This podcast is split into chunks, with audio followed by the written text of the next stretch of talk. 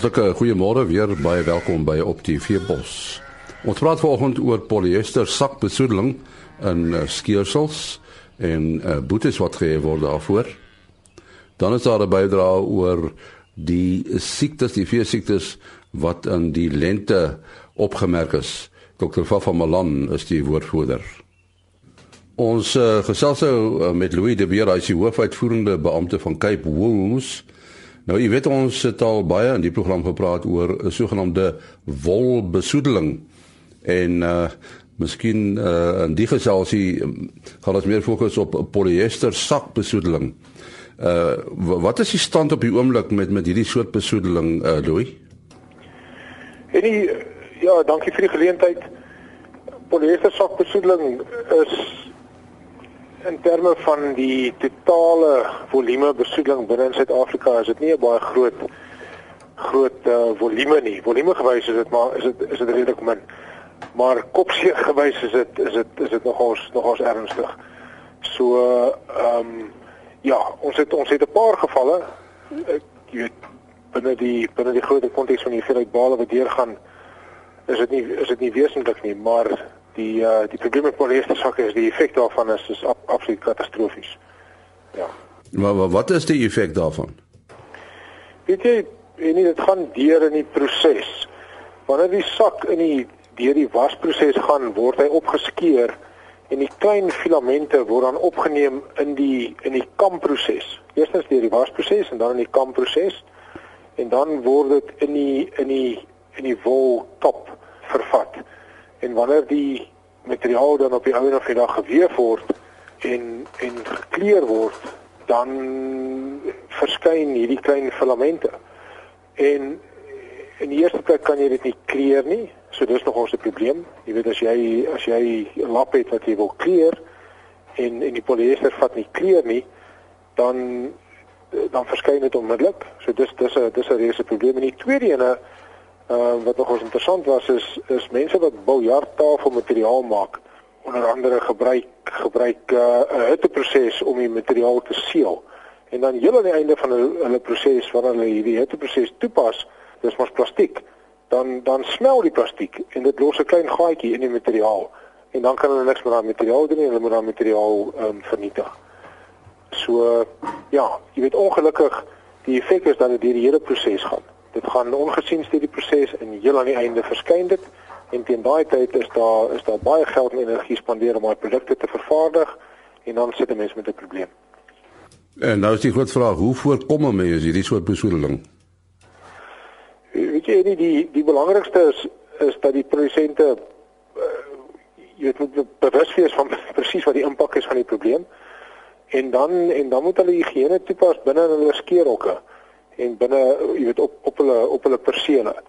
Ehm um, soos ek sê dit is nie dit is nie ehm um, dit, dit dit kom nie baie voor nie, maar wanneer dit voorkom is dit katastrofies. So meeste meeste produsente maak seker dat hulle nie polyester sakke naby hulle wors worskeers wil bring nie. Wat wel gebeur is dat eh uh, dat mense per ongeluk polyester sakke insluit of polyester sakke gebruik om hulle binbale of hulle splitbale te te verdeel. Ehm um, en dis die mees algemeenste probleem. Nou as jy as jy 'n balpartisie gebruik, is dit veronderstel om papier te wees, verkieslik papier. En en wanneer jy daai splitbal deurstuur aan jou makelaar toe, is jy nou veronderstel om hom baie duidelik te merk met 'n groot X aan drie kante van die bal, sowel as die woord split wat jy skryf op die bal sodat wanneer wanneer die bal arriveer en hy uitgegooi word mense spesifiek kan kan let op die balpartisie en die balpartisie kan verwyder. Maar in meeste gevalle is dit waar ons ons probleme optel is wanneer ons ons hierdie uh polyester sakke binne die binne die splitbale uh, ontvang. Kan mens die ouens wat gedurig word penaliseer? Ja, weet jy, dis nou mos nou nie lekker om boetes uit te deel nie ek dink die industrie het vir 'n lang tyd weggeskram daarvan om om dit te doen. Maar uh, ons is genoodsaak om dit om dit te implementeer uh spesifiek spesifiek as gevolg van die gewigtigheid van die saak. En en uh jy weet ons het in Junie as industrie bymekaar gekom en almal saam tussen die tussen die makelaars en die en die produsente geleedere sowel as die kopers ehm um, by 'n Cape Wool's vergadering besluit om om twee boetes te implementeer. Die eerste een is R1500 per geval en dit is vir wanneer 'n uh, polyester sak opgetel word by die makelaars se se store. Die tweede ene is uh, is 'n boete van R10000 en daai boete word gehef indien so 'n sak in jou skeersel opgetel word ehm um, by die finale verwerker het sy oor see of in Suid-Afrika. So wie staan met daai twee boetestelsels is R1500 en R10000. Daai boetes is al gehef. En ek moet sê dit is nie dit is nie 'n baie aangename ondervinding vir 'n produsent om uh, om dit te beleef nie. Maar ehm um, maar ek dink uh jy weet dit laat die ouens seker maak dat hulle skeersel skoon is, ja. Nou kry mens gevalle van sogenaamde herhalende oortreders Ehm um, nie waarvan ek bewus is nie. Ek dink nie dit is dit is regtig iets wat wat herhalend plaasvind nie. Dis geïsoleerde gevalle. Jy weet dit is in meeste gevalle is dit regtig ongeluk. Jy weet ouens wat wat uh wat wat dit nie willens en wetens doen nie. Ehm um, so die kans dat dit gaan herhaal is nie goed nie. En en uh maar ek moet jou sê as jy een keer 'n 10000 rand se boete gekry het, gaan jy definitief seker maak dat dit nie weer gebeur nie. Ja, ons sê baie dankie aan Louis de Beer, hoofuitvoerende beampte van Cape Wool's. Ons uh, praat nou met dokter Fafa Malan, bekende veearts. En ons gaan met hom praat oor uh, die siektes wat aangeteken is in uh, in die lente. Ons is nou so half van die begin van die somer. Uh, Watter siektes is aangeteken in die uh, lente Fafa? Nee, ek het sonder kan 10 rapporte van praktyke veeartspraktyk oor die hele land ontvang. En dit is nou September, eerste maand van die lente en daar's nou al reeds groot rapporte van rondewurm uitbreke veral dan haarworm. Haarworm maak skape vrek. So boere moet kyk na bleek oë en na kwakkele en voorkomend uh, hierdie diere wat die hierdie tekens wys doseer sodat vekters voorkom kan word. Weens die droogte is daar klomp diere nog in die vleie en daar is rapporte van lewervlak besmetting wat ook vrekters veroorsaak serieuze uitbreke omdat daar nattigheid is in die krale. Dink baie mense kraal skape.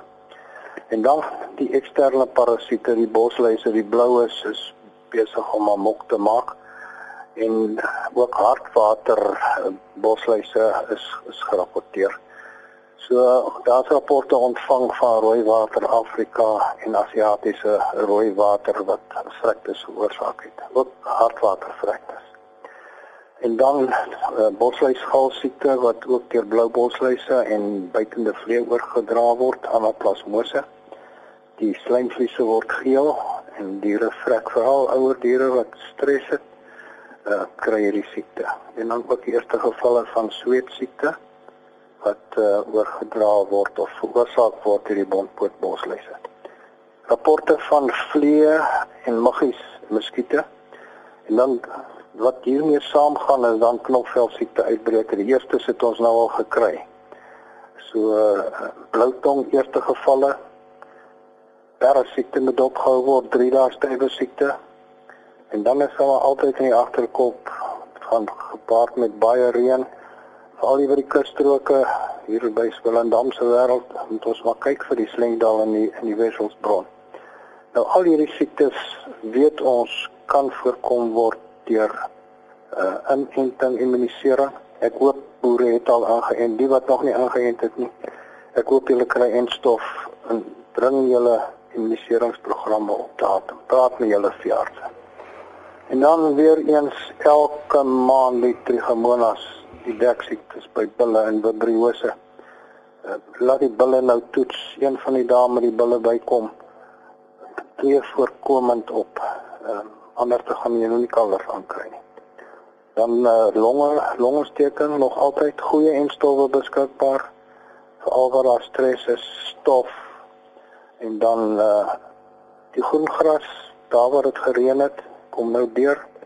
En dit dan kan die bloednier en uh daarmee saam het ek ook heel wat vergiftigings gekry omdat hulle die bossies, inkbessies, gousiekte, tulpe as ook uh, gifblaar is nou groen en diere wat hierdie bossies nie ken nie, groot probleme. En dan eh, die uh bakterieële siektes wat gerapporteer is, so sponsiekte, dan rooi darm by beeste, bloeddarm by skape. En nou oppas, ek weet dit is nog baie droog, party boere gee hondermis, oppas vir die lamsiekte. Hoop jy dit ingeënt. En dan hooginfeksies met die stof, wat daar is, baie mastitis en dan ook rapporte van beeste wat nie kan opstaan nie wat te swak is downers soos ons sê. Nou as dit begin reën met ons maar kyk weer na die vrotpotjies vir albei skape. En dan laaste wat ek eintlik oor wil praat is die brucellose. As ons nie daadwerklik almal almal almal gaan saamwerk om hierdie siekte uit te roei en te voorkom nie en dis 'n zoonose baie mense het brucellose en dit is werklik 'n siekte wat jy nooit wil hê nie.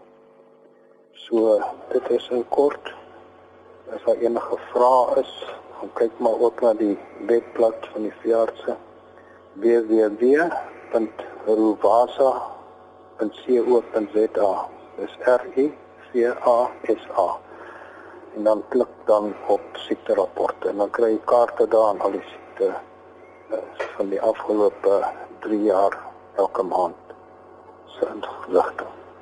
Ja, voor ons afsluit uh, Fafa uh, Slegdal uh, nie 'n probleem op die oomblik nie.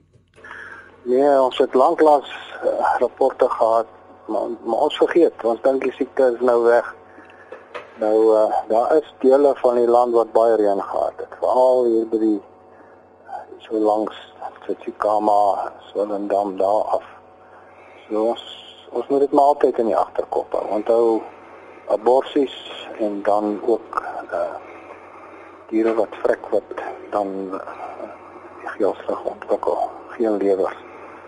Hou dit altyd aan gedagte. Ja, baie dankie dokter Fafa Malan en uh het gehoor waar jy hom kon kontak. Dan ook die einde van die program. Môreoggend om 4 voor 5 is ons terug. Tot dan, mooi loop.